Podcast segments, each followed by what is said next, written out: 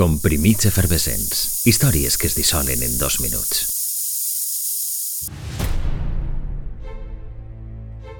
Des de feia algunes setmanes, l'activitat sísmica a la zona era cada dia més freqüent. Els seus habitants, per contra, no li pararen massa atenció, ja que era un fenomen habitual en aquelles contrades però no sabien que estaven a punt de ser testimonis d'un fenomen geològic assombrós. Un 20 de febrer un pastor mexicà assistia al naixement del Paricutín, el volcà més jove del continent americà. Dionisio Pulido criava ovelles i aquell dia pasturava el ramat en la rodalia del poblat de Paricutín. Relata Dionisio que se sentia particularment inquiet. Prompte descobriria que la raó del desassossec tenia el seu origen en les entranyes de la terra.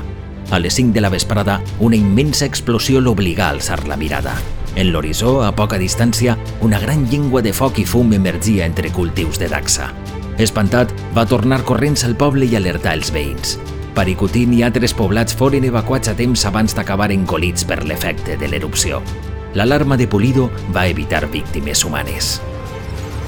En només 8 mesos d'activitat, el Paricutín va elevar-se 365 metres per damunt del nivell anterior.